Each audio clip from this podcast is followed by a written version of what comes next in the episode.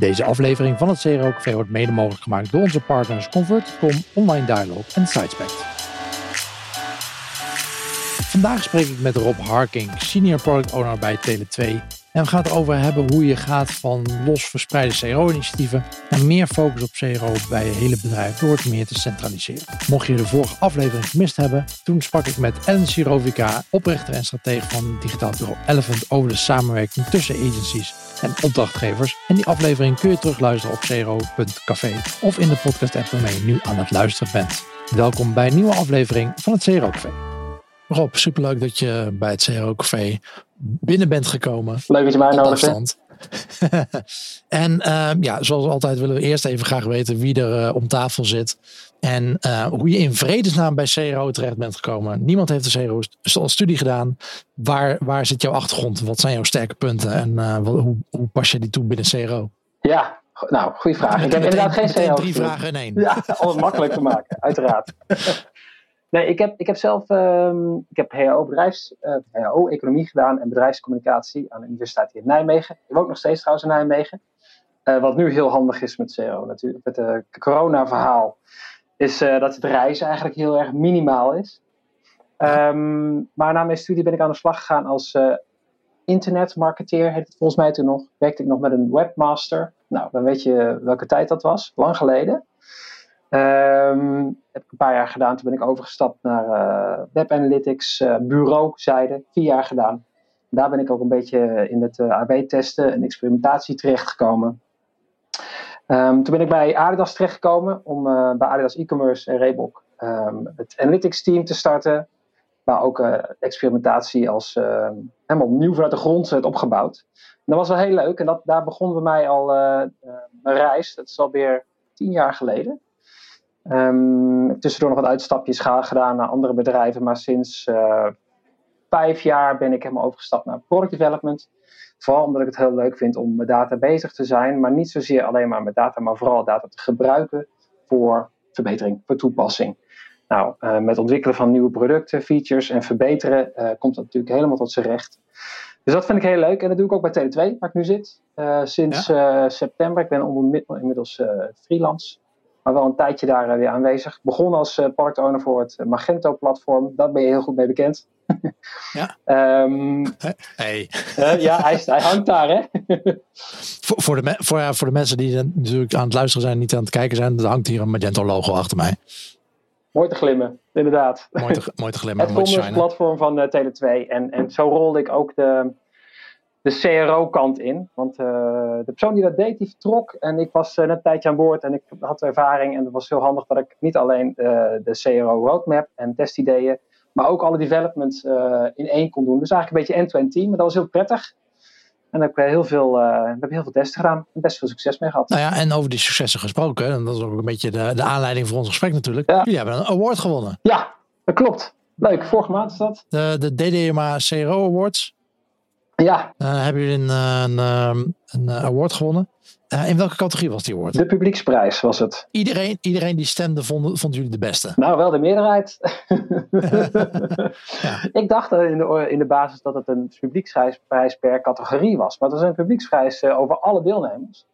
Mm. En we hadden toch uh, meer dan 20% van de stemmen. En dat ja, was best wel goed. Het is best wel leuk om, om, om die eer in je werk te zien. Ja, want ze hebben uh, de categorieën zijn conversie, personalisatie, mobiel en acquisitie. Daar hebben, daarin hebben ze alle drie, uh, of voor al die vier categorieën hebben ze drie genomineerden. En de jury kiest dan een, een winnaar. En dan is er nog een publieksprijs. Klopt inderdaad, ja. we waren eigenlijk, we ons ingeschreven en we waren genomineerd voor de conversie, mobiel ehm, kant vaak mobiel. Het ging over conversie. En er was een test over uh, filters op mobiel en hoe je daarmee om kan gaan. Uh, interessant omdat we, hadden hele interessante uh, feiten eronder liggen voor met uh, neuro-usability onderzoek. Misschien ken je dat wel. Dan gaat er zo'n kapje over je hoofd en dan wordt er gemeten wat voor een hersenpatronen, of eigenlijk positieve, negatieve of neutrale signaaltjes er komen op bepaalde stimuli. Nou, dat was, ja, als cognitieve psycholoog ken dat waarschijnlijk wel. Uh, dat was heel leuk, omdat we echt op, op filter een aantal hele aparte uh, patronen zagen. Uh, en zo ook gaan kijken naar de web-analytics data. En daar kwamen we ook uit dat het gedrag op mobiel en desktop heel anders was. En um, toen zijn we met de filters aan de slag gegaan. En daar hadden we op een gegeven moment een gigantische conversieklapper mee. En dat is uiteindelijk de case geworden. Het was meer genuanceerd filteren op, op, op merkbasis. Een soort quick filtering. Bij telecom en, en is, zijn de handsets heel belangrijk. De, de Apples, de Samsungs en dat soort apparaten. Ehm, en dat is eigenlijk ook de, de bulk van het filteren gebeurt op, op handsets. En op een aantal attributen die er nog onder zitten, maar dat is echt een, grote minderheid eigenlijk. Je wil eigenlijk mensen zo snel mogelijk naar, ze zijn geïnteresseerd in Apple, dus je wil ze zo snel mogelijk naar die Apples hebben. Nou, dat, dat hebben we veel makkelijker gemaakt door allerlei uh, quick filters voor, uh, voor de handsets uh, merken te introduceren.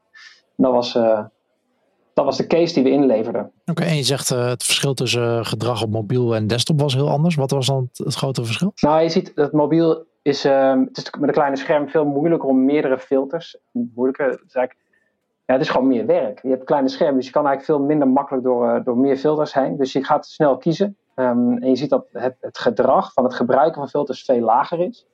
Maar ook het, ge, het gebruik van meerdere filters is veel lager.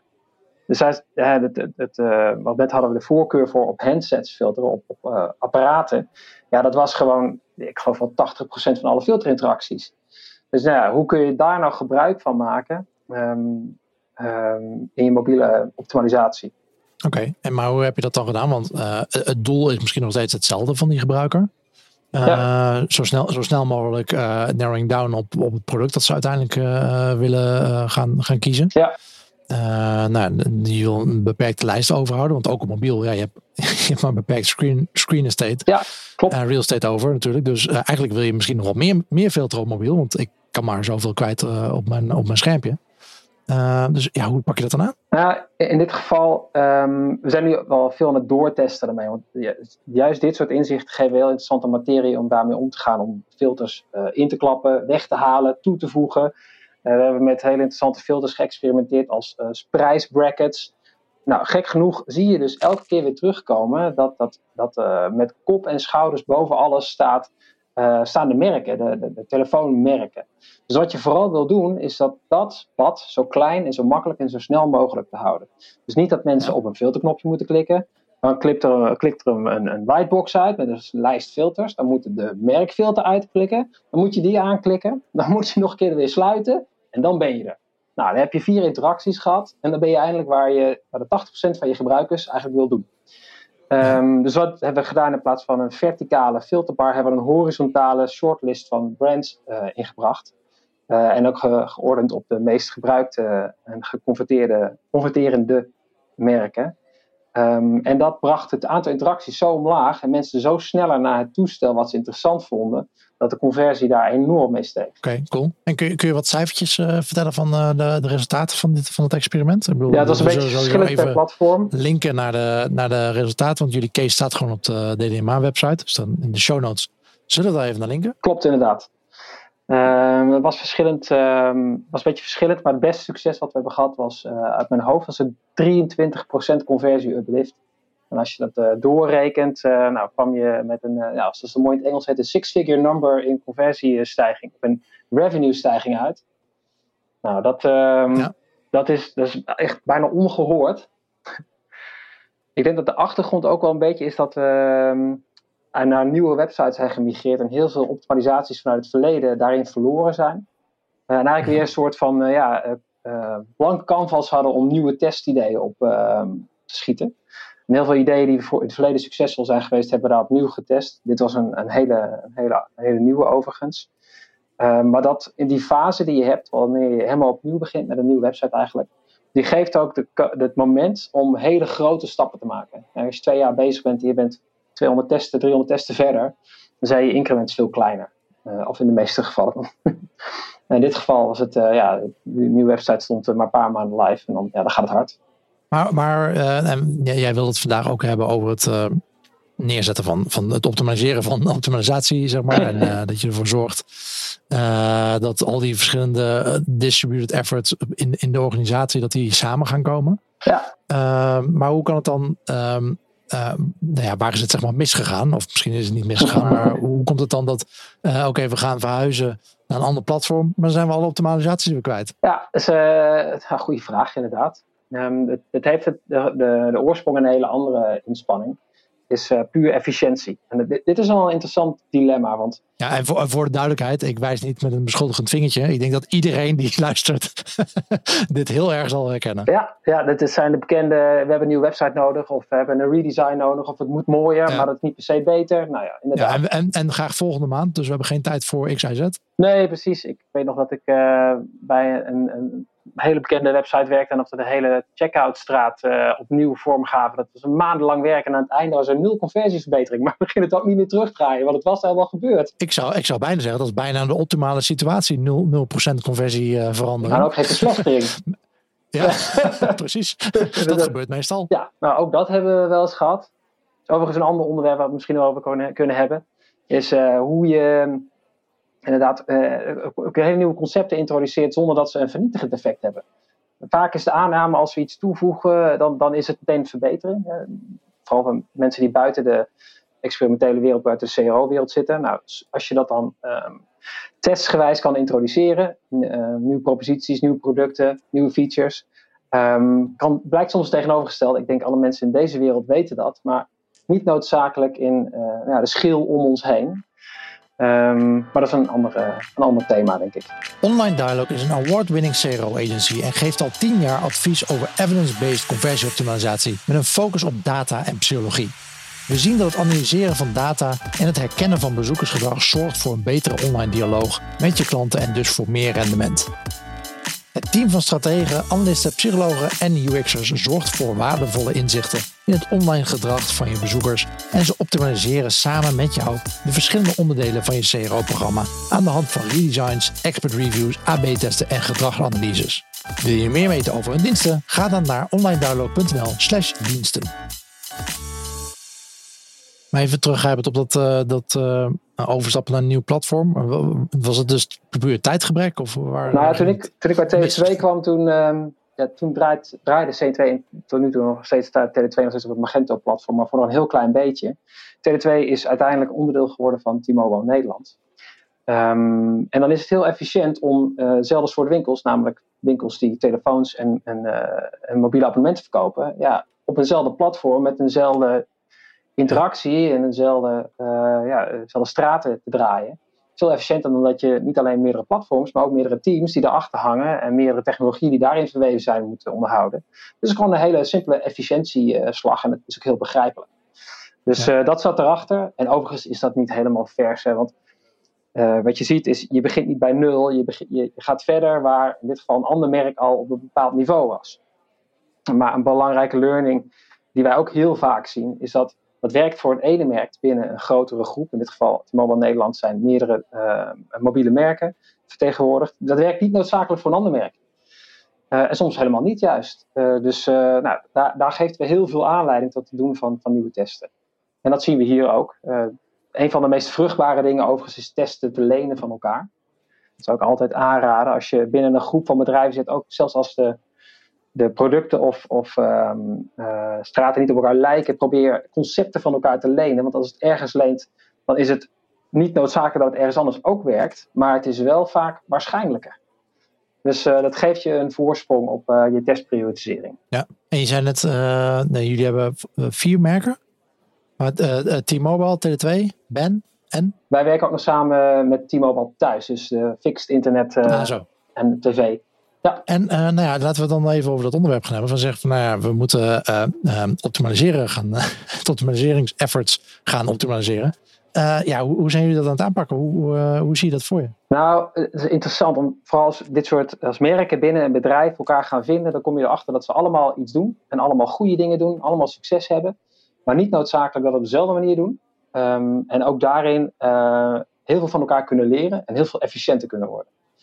Dus um, begin van dit jaar kwamen we erachter dat inderdaad de merken die in het zeiden eigenlijk uh, niet alleen andere tools gebruikten, maar ook andere uh, methodes gebruikten, uh, andere manier van succes berekenen gebruikten, een aantal van dat soort zaken.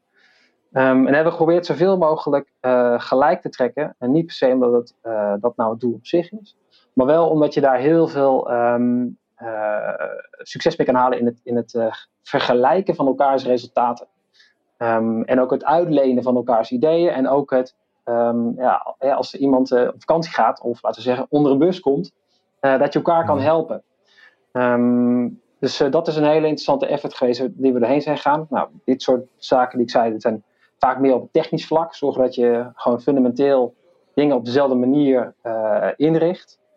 Ehm, maar waar we achter kwamen is dat ja, ik had bij Tele2 had ik persoonlijk een vrij luxe positie, omdat ik zelf product owner was van het development team die alle testen bouwde. Maar ik merkte dat de andere merken soms veel meer moeite hadden met het organiseren van het testen laten ontwerpen, testen laten bouwen, testen laten analyseren. En dat was eigenlijk aan elk merk werd het anders gedaan. Ehm, en dan zie je dat daar bijvoorbeeld meerdere bureaus bij komen kijken, uh, meerdere interne en externe, dus ook externe partijen.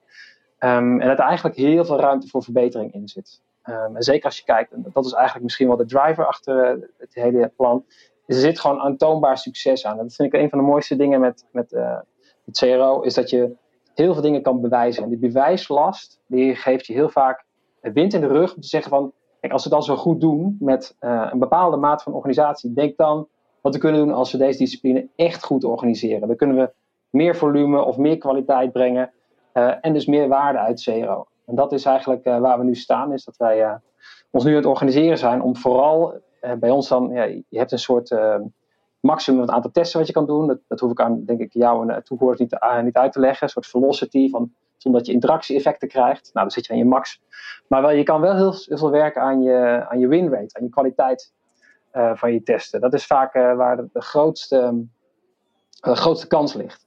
Nou, daar zijn we nu heel hard mee bezig door heel veel processen proberen uh, op, echt met te stroomlijnen, dat ze ingericht zijn op het, het, het, um, het, zo efficiënt mogelijk testen maken, zodat we zoveel mogelijk bandbreedte overhouden om te richten op onderzoek, kwaliteit um, en uiteindelijk dus waarde voor, uh, voor het bedrijf. En hoe heb je dat dan aangepakt als je zegt van uh, je gaat naar al die brands en oké ja, we moeten eigenlijk allemaal dezelfde tools en methoden gaan gebruiken.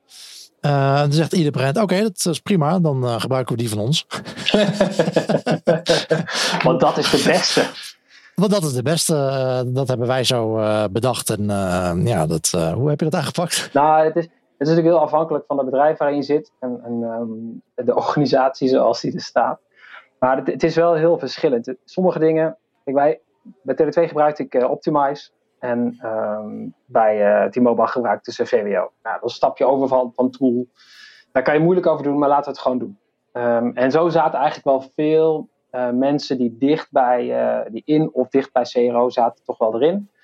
Um, een van de, de moeilijkste, de grootste uitdaging vond ik eigenlijk wel is om ook zeg maar, de, de, de, in het, in het uieringenmodel, de, waar je indirect invloed op hebt, laten we zeggen stakeholders of mensen die een, een bepaald belang hebben of een bepaalde input of effect op, op CRO, om die mee te krijgen in een verandering waar ze ook zelf moeten veranderen. Dat is wel, um, ja, je moet, dan moet je toch eventjes door een paar rondes heen om iedereen mee te krijgen in je gedachtegoed en waarom dat belangrijk is. Um, en dan kom je op een gegeven moment al ergens. Alleen ja, ook net als met, met, uh, met de AB-testen doen, je gaat zeker niet uh, een nieuwe manier van samenwerken in één keer goed doen. Dus je moet het proberen en aldoende kom je erachter wat werkt en wat niet werkt.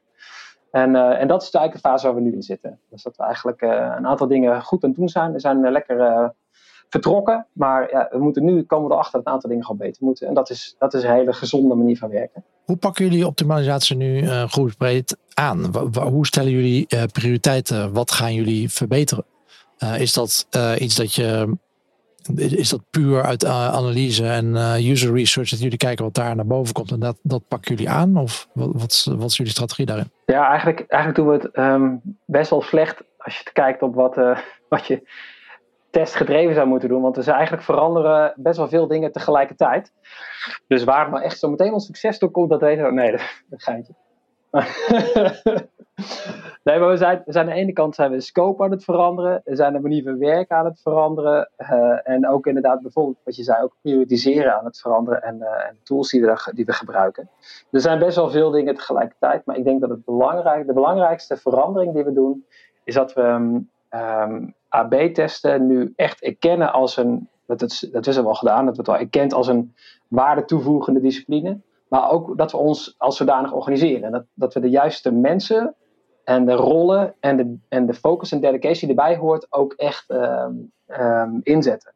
En bij ons betekent dat dat we CRO zien, inrichten als, een, als autonoom, autonoom georganiseerde agile teams. zijn multidisciplinaire teams. Alles wat je nodig hebt rondom research, rondom UX, rondom development, rondom analyse, uh, proberen we te pakken in ehm, twee aparte CRO-teams die bepaalde, van, uh, bepaalde mate van overlap hebben. Twee backlogs er ook bij. Ehm, en ook, ehm, eh, ook de manier van werken echt als een agile team gaan, gaan opzetten. Nou, als product owner heb ik, heb ik wat ervaring mee. En ik geloof ook dat het zich heel erg daarvoor leent. Want eigenlijk is een CRO-team gewoon een soort mini-product team. Want je bent alleen maar bezig met waarde creëren voor, voor een merk, als je het goed doet. En je hebt daar gewoon een aantal rollen voor nodig die een bepaalde manier samenwerken. Nou, dat is de slag die we nu doen. En de eerste feedback die we krijgen is ook best wel goed, omdat we. Dus dit is veel gestructureerder dan we het eerder deden. Het gaat een beetje uit het informele circuit.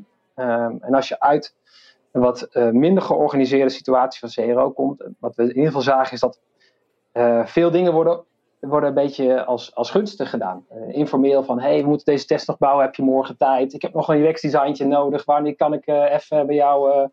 Nou, dat, dat werkt tot een bepaald niveau. En als je op een gegeven moment een bepaald volume aan testen wil draaien en bepaalde kwaliteit wil, wil creëren, en ook wil zorgen dat er geen gaten in je testplanning komen, dat er niet in één keer, ja, weet je, het zijn gemiste kansen als je plek hebt waar je kan testen, maar je weet dat er verbeteringen zouden kunnen zitten, maar je hebt het niet voor jezelf geregeld. Dus um, waar, waar, we nu echt mee bezig zijn, waar ik heilig in geloof, is dat naast um, ja, de, de, de, de craftsmanship die je nodig hebt in CRO, alle disciplines die we net zeiden, uh, rondom research, maar ook uh, analytics, stukje UI, UX design, de technische kant, alles wat je nodig hebt om functioneel te kunnen doen, um, kom je tot een bepaald niveau. Maar als je er overheen wil, dan moet je jezelf echt als, uh, als team gaan organiseren te zorgen dat je ook echt die, die machine van verbetering wordt. Die constante machine van verbetering. AB-testen draagt bij aan de zekerheid van je bedrijf. Onderzoek welke teksten en site-elementen het beste bij jouw merk passen. Laat je omzet groeien en doe dat met de beste tool qua features, prijs en ondersteuning. Convert.com heeft daarnaast ook sterke privacy compliance, full stack features en dat allemaal zonder knippereffect. Enterprise veiligheid voor een self-service prijs. Bespaar tot 80% op je jaarlijks contract en als je wil is er een migratieservice beschikbaar. Voor meer info zie www.convert.com. Hoe doe je dat dan? Bedoel, je hebt misschien uh, geen designer of een developer in je team. Uh, zeg je, die persoon moet, moet je echt in het team opnemen? Of moet je zeggen, je moet gewoon moet je tijd claimen bij zo'n persoon of bij, bij het designteam bijvoorbeeld? Nou, het is wel interessant dat je dat zegt. Dit, dus, dit soort dingen zijn een beetje afhankelijk van hoe de organisatie is ingericht, denk ik. Wij richten dit in als aparte CRO-teams met, um, met de rollen, hè, bijvoorbeeld een designer of developer, die x tijd van zijn, uh, van zijn week uh, vastlegt op het doen van, van, uh, van development of design of wat dan ook ja. voor CRO. Ik zou er eigenlijk nog liever voor pleiten dat als je een, een volwassen organisatie met productteams die waarde najagen, dat dit eigenlijk gewoon een inherent onderdeel van hun, van hun, van hun werk is. Maar niet elke organisatie is zo ingericht. Dus als je het kan doen als onafhankelijk uh, instituut, dan geeft je ook heel veel vleugels. Omdat je misschien niet bent ge gebonden aan bepaalde release trains of bepaalde um, doorlooptijden of afhankelijkheden. Die je niet hebt als je een klein team bent met alle rollen. Um, en wat wel belangrijk is, is dat iedereen ook zijn tijd um, commit. Dus ja, in, in, uh, dat een beetje in de sfeer van echt agile. Als je een, een, sprint samenstelt, dan wil je ook dat iedereen erop commit. En dat betekent voor alle rollen uh, die deelnemen een x aantal stories of, of taken, ligt een beetje hoe het inricht, uh, die je ook streeft om, om af te krijgen in die periode. Um, en dan creëer je, creëer je een stukje gemeenschappelijk doen om, om te komen tot waar je wil zijn. En ook dat, dat als iedereen zich daarop commit, dan is het ook de bedoeling dat je het gaat afproberen te maken. Um, en dan is het niet meer vrijblijvend van, nou, misschien heb ik volgende week nog wat test, tijd om een testje voor je te bouwen. Nee, we gaan gewoon deze twee weken deze vijf testen bouwen, klaar. Um, ja. En die, die stok achter de deur, die, um, ja, die levert gewoon veel meer constante output op. Ja, dat hangt natuurlijk een beetje, wat je zegt, hangt van je organisatie af. Je kan ook gewoon in, in matrixvorm uh, werken dat iemand wel misschien wel en deel is van een design team of een development team en deel van het CRO team. Ja, dat, dat hebben we ook wel een beetje hoor, moet ik zeggen. Want voor geen van de mensen die bij ons uh, hier aan werken, behalve de CRO-specialisten zelf, is het een fulltime baan. Maar kijk, we, hadden het net over vier merken. Als je vier merken in één team wil stoppen, dan krijg je enorm veel ruis van mensen die bijvoorbeeld bij het ene merk zijn aangehaakt, maar niet bij het andere. Dus we proberen dat wat kleiner te maken. En het is voor mensen, laten we zeggen, tussen de twee en drie dagen per week gemiddeld werk voor ze. Maar die tijd claimen we wel. Want we moeten wel kunnen, ja, van op, van op aankaag kunnen, dat we ook elke keer die output kunnen leveren. En je, net, jullie hebben twee teams uh, met, een beetje met een beetje overlap, maar waar zit de overlap en waar zit de scheiding tussen die twee teams? Ja, nou we zijn eigenlijk van een, een merk georiënteerd model naar een flow georiënteerd model gegaan. Dus um, acquisitie en retentie als, als twee flows voor de grootste merken. En we hebben nog uh, een thuisproduct, zoals zij, dus eigenlijk geen mobiel product. En andere drie merken zijn mobiel. Dus het staat een beetje apart. Uh, samen met, met Ben. Ben is voor ons, staat op een ander platform weer. Dus we moesten keuzes maken. En al, aldoende puzzelend van wat nou de beste oplossing was, kom je erachter dat elke nadeel heeft zijn voordeel en andersom. Dus er is geen perfect model om, om je te organiseren. maar uiteindelijk hebben we ervoor gekozen om een om acquisitie- en retentiestraten te maken. Um, waar wel een bepaalde kruisbestuiving in zit. Want je ziet dat bijvoorbeeld uh, bestaande klanten, ja, die herken je eerst niet als bestaand. Dus dan zitten ze automatisch in de acquisitieflow. Uh, en op een gegeven moment ja. komen ze uh, herkenbaar in beeld als bestaande klanten. En dan wordt de ervaring toch anders. Dus dat is wel um, dat is de knieval die we een beetje hebben gemaakt. Maar tot nu toe lijkt dat wel goed te werken. En vooral omdat we uiteindelijk willen we niet alleen maar naar, laten we zeggen, webplatform optimalisatie, maar eigenlijk weer meer journey optimalisatie gaan. Dat betekent dat je toch veel meer naar de acquisitiemarketing en, laten we zeggen, um, uh, retentiemarketing kant gaan. Het voor- en nastuk. Um, om, om die hele journey te kunnen verbeteren. Nou, dat kan alleen maar als je dus acquisitie- en retentieflows hebt, niet op merkbasis. Um, dat kan wel, maar dat is minder efficiënt georganiseerd. Dus daar kwam het voor ons ook vandaan. Ja, precies. En zeker als bij dit soort merken, als de overlap zo enorm is qua uh, hoe mensen door die, door die flows gaan, dan kun je er maar beter van gebruik maken en die teams op datzelfde stukje te zetten, dat ze die, van die kennis kunnen toepassen. Ja, en ah, als we één ding hebben geleerd, is wat werkt voor nieuwe klanten, is vaak totaal niet gelijk aan wat werkt voor bestaande klanten. Dat is natuurlijk uh, preaching to the choir, denk ik hier, maar je komt daar hardhandig elke keer weer achter als je um, één en dezelfde interface verandert voor een hele andere doelgroep, dat, dat er zulke wild verschillende resultaten uit kunnen komen. Dus je wil dat ook kunnen scheiden. Hey, ik had het laatst in een uh, podcast met, uh, met Johnny Long, Longden hadden we het over het embedden van, uh, van CRO in, in Agile. Ja, ik heb hem gehoord. ik weet niet of je hem, ik, ja, je hebt hem gehoord. Ja. En daarin kwam ook naar voren van, ja, weet je, eigenlijk als je Agile hebt ge geïmplementeerd en je doet het niet aan CRO of je, je, haalt de gebruiker er niet mee, dan heb je eigenlijk Agile überhaupt niet ge goed geïmplementeerd. Hoe, hoe, denk jij daarover? Nee, daar ben ik het absoluut mee eens. En daarom was het, de situatie die ik persoonlijk aantrof bij Tele2 uh, in het begin was heel prettig, omdat het development team, dat uh, zeg maar best wel volwassen agile was, ook gewoon verantwoordelijk was voor de CRO. Um, en dat, dat heb ik eigenlijk, nou, dat is mijn persoonlijke input, dat steeds groter deel van het team gemaakt. Want dat is een van de belangrijkste aanwijsbare verbeteringen die, die, het, um, die het agile development team kon, kon, uh, kon ontwikkelen is uh, aantoonbare testverbeteringen. En dat is, uh, ja, ik ben het absoluut met hem eens wat dat betreft. Het een gaat niet zonder het ander. Nee, precies. Het is eigenlijk vreemd dat een, dat een agile development team niet aan structureel zero zou doen. Nee, precies. Nou, zijn, zijn we daar allemaal over eens? Heel goed.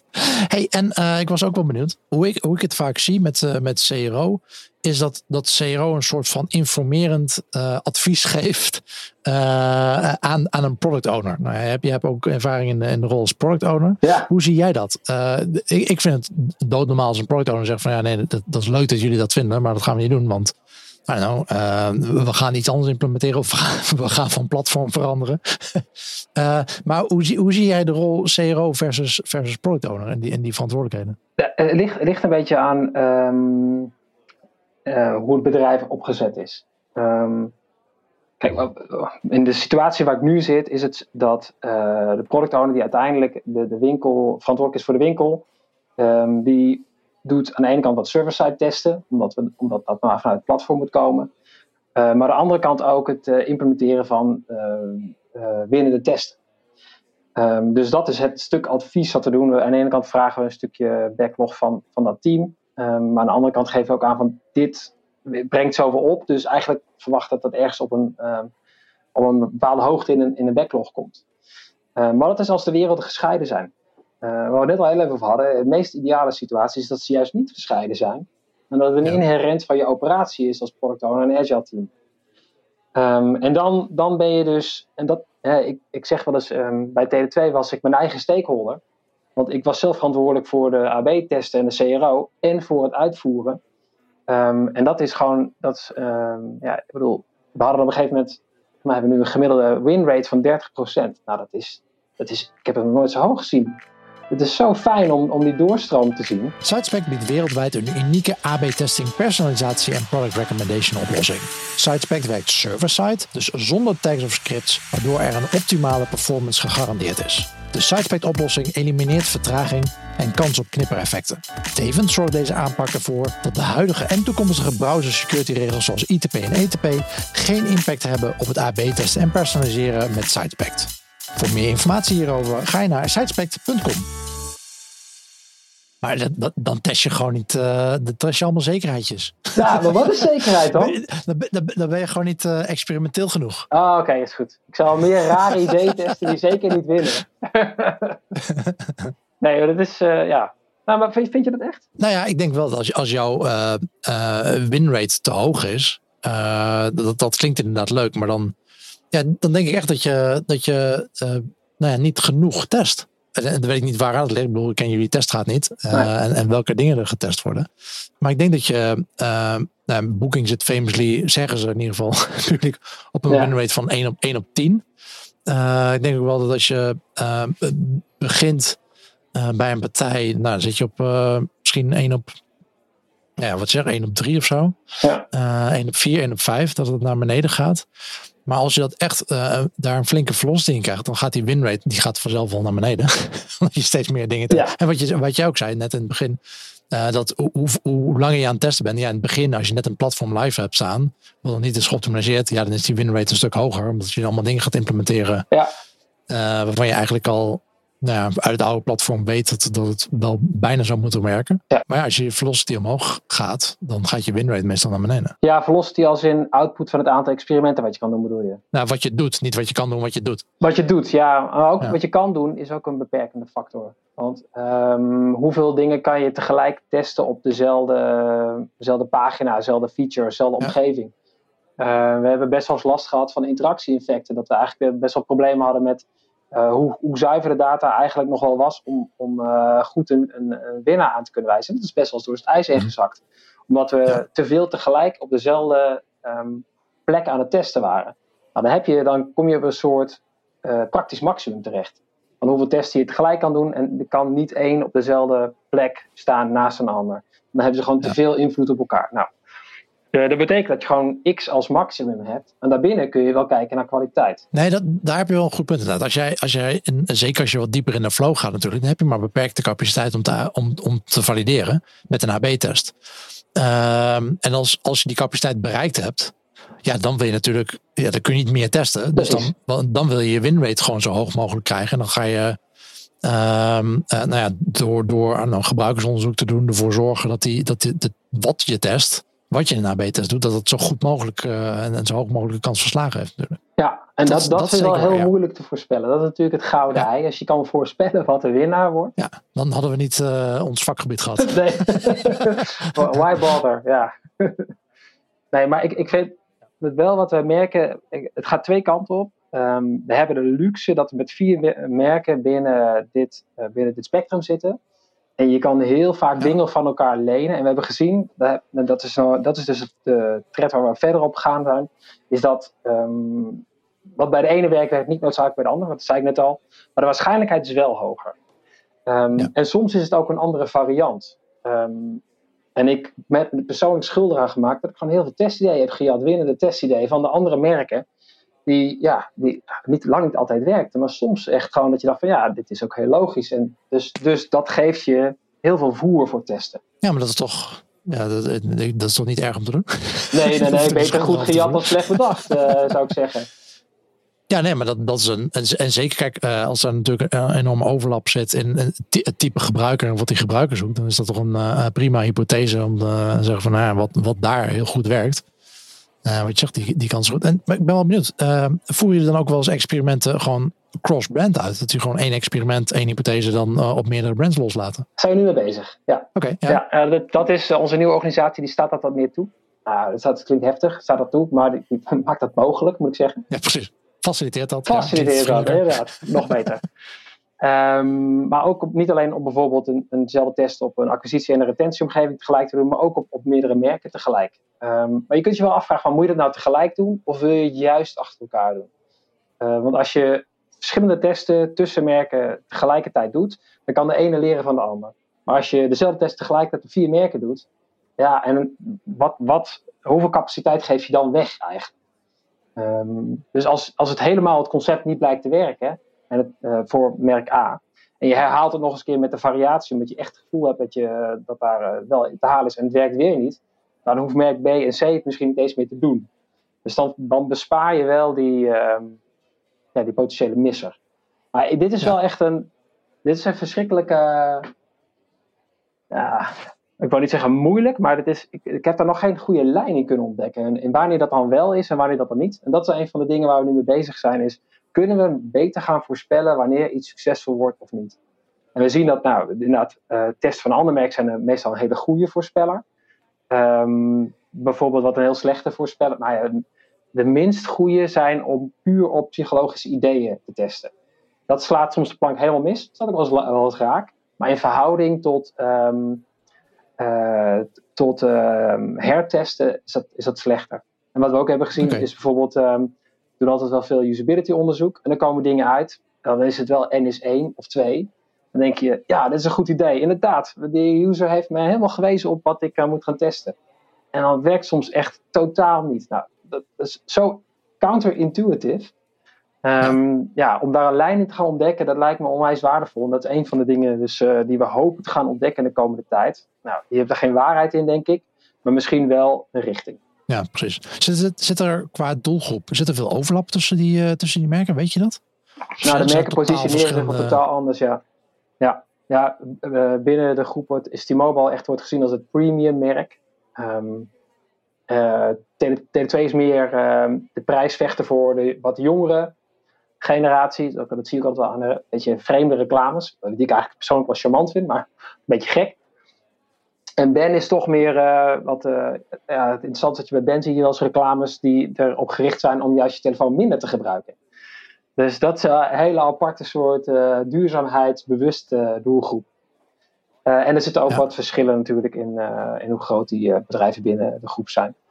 Maar het zijn hele andere proposities. En dat, dat maakt ook weer, dat is een van de redenen waarom de verschillen tussen de testen zo groot kunnen zijn, denk ik. Ik kan me heel goed voorstellen inderdaad dat uh, wat je net zegt, dat uh, de psychologische principe of de, meer de, de, de, de brand positionering dingen van doe ik iets heel goedkoop of zet ik iets juist neer als premium. Ja, dat maakt wel een groot verschil. Maar iets als nou, een, een usability verbetering zal misschien sneller toepasbaar zijn op alle, alle merken. Ja, ja, precies. Dus dat is wat generieker van toepassing inderdaad.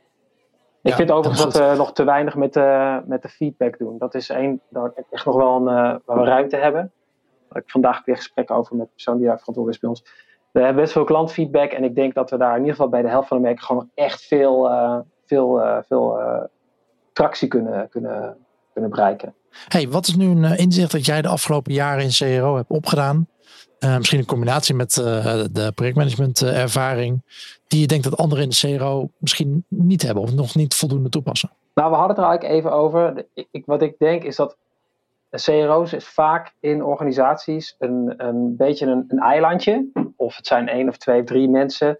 Maar de, de slagkracht is vaak heel beperkt. Ik denk dat als je met een kleine setup waarmee je misschien start, je succes kan bewijzen, dat je echt de, de, doorstoot kan maken als je het voor elkaar krijgt om CRO echt als een discipline te organiseren. Met de juiste mensen, met de juiste organisatie, met de juiste manier van werken en samenwerken.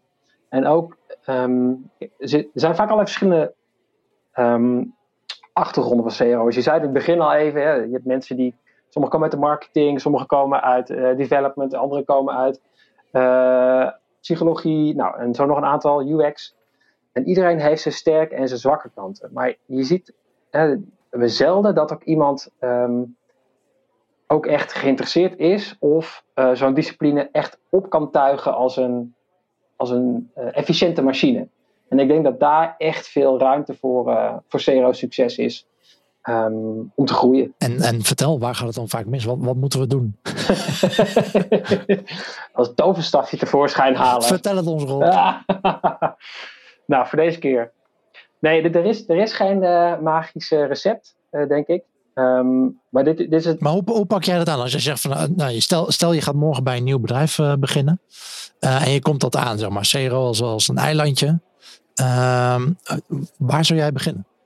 Een van de allereerste dingen, eh, wat je wel ziet als je, als je AB-testen doet, bijvoorbeeld, of CRO in zijn algemeenheid, is dat je successen boekt. En dat bijvoorbeeld de mensen uh, aan de commerciële kant, waarvan je, waar je je mooie succes aan toont, zeggen van, ah, dat zie ik helemaal niet met bottom line. mensen die gewend zijn, als ik een marketingcampagne doe, dan komt daar iets uit. of als ik een salescampagne doe, dan komt er iets uit. CRO is vaak veel subtieler. maar op een gegeven moment moet je kunnen vastleggen, hoe vat ik het succes van CRO Um, um, niet alleen in euro's, maar hoe uh, zijn we het erover eens dat dit waarde toevoegt? Hoe berekenen we dat? Um, en als we het daarover eens zijn, okay, dan betekent dus dat het een waarde genererende machine is. Uh, is dat een soort, is een soort springplank om, om je verdere development op te zetten? Je creëert een soort voor jezelf een soort situatie dat, dat de organisatie het gaat inzien dat het niet alleen maar een leuk ideetje is om wat AB-testen te doen, maar dat er aantoonbare waarde uitkomt. Dat die waarde anders in elkaar zit dan marketingcampagnes die gewoon van A tot B leiden. Omdat iedereen kan zien in, in Google dat een, een UTM-tag heeft geleid tot iets. Um, dat is een heel belangrijke voorwaarde die je, die je moet scheppen. En als je dat hebt, dan kun je gaan, gaan, een beetje gaan doorstoten om. Vaak moet je gewoon wat meer. Um, je moet gewoon tijd en dus ook geld van de organisaties zien los te peuteren om mensen vast aan het werk te krijgen binnen CO. Dat je ook development capaciteit hebt, dat je ook UX capaciteit kan, kan, kan vastleggen. Niet dat het op basis van, van ik heb wat tijd over model is, maar oké, echt zoveel tijd per week kunnen we gewoon vast hier aan werken. Um, en dat je het ook demonstreert, dus dat je ook gewoon reviews gaat houden. Um, en dat ook misschien wel breder doet. Nou, je kent die trucjes wel, dat mensen kunnen wedden en inzetten. Is dit, heeft deze test gewonnen of deze? En nou, hilarische momenten, nou, dat zijn natuurlijk een beetje de, de, trucjes. Maar wel om het, dat ook te delen, uh, wat breder, waardoor het gaat leven in de organisatie. Ja, heel goed.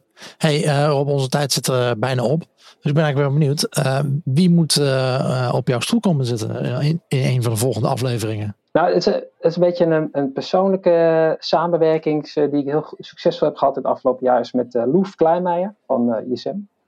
Um, en wat ik vooral heel erg interessant vond in de samenwerking is dat hij heel sterk zat op het evidence-based test ideation.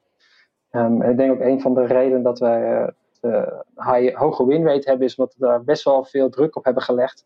door niet gewoon leuke ideetjes te testen, maar ook echt te onderzoeken van oké, okay, waarom denken we dat hier waarde zit? Is, is, er, is er bewijs om te denken dat, hier, dat we hier kunnen, kunnen groeien? Nou, dat vind ik een hele, hele sterke component van hem. Dus.